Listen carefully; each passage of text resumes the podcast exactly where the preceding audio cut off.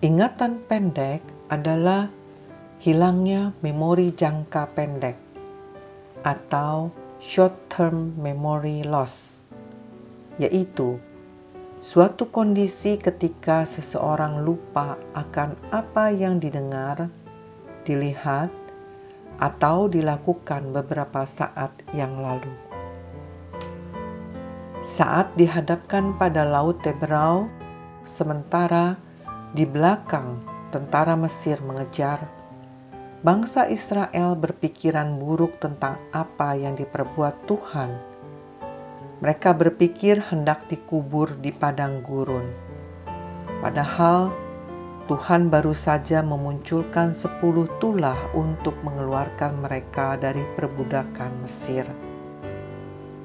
Sesampai di Mara, mereka bersungut-sungut karena tidak mendapat air. Padahal Tuhan baru saja membelah Laut Teberau di depan mata mereka. Ketika di padang gurun Sin, mereka mengeluh tak ada makanan. Padahal Tuhan baru saja mengubah air di Mara dari pahit menjadi manis. Ternyata bangsa Israel mengidap ingatan pendek. Kita pun sering dihinggapi ingatan pendek.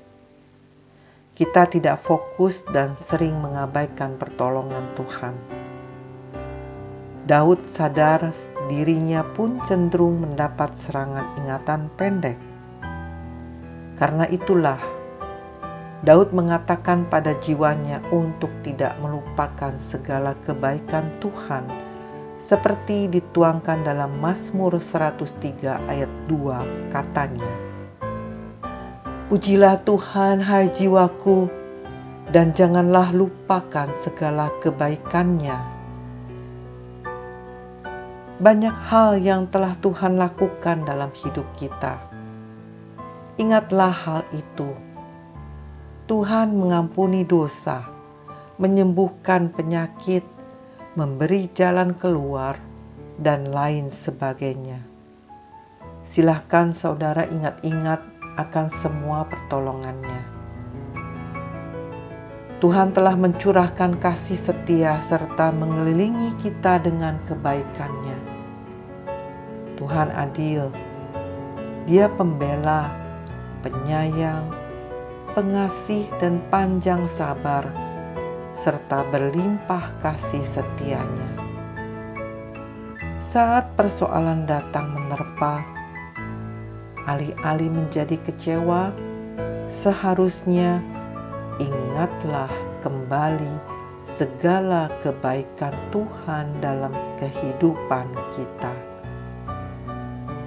Jika sebelumnya Tuhan menolong kita, sekarang Dia pasti akan menolong juga. Tenangkanlah jiwa kita dan nantikanlah pertolongan Tuhan.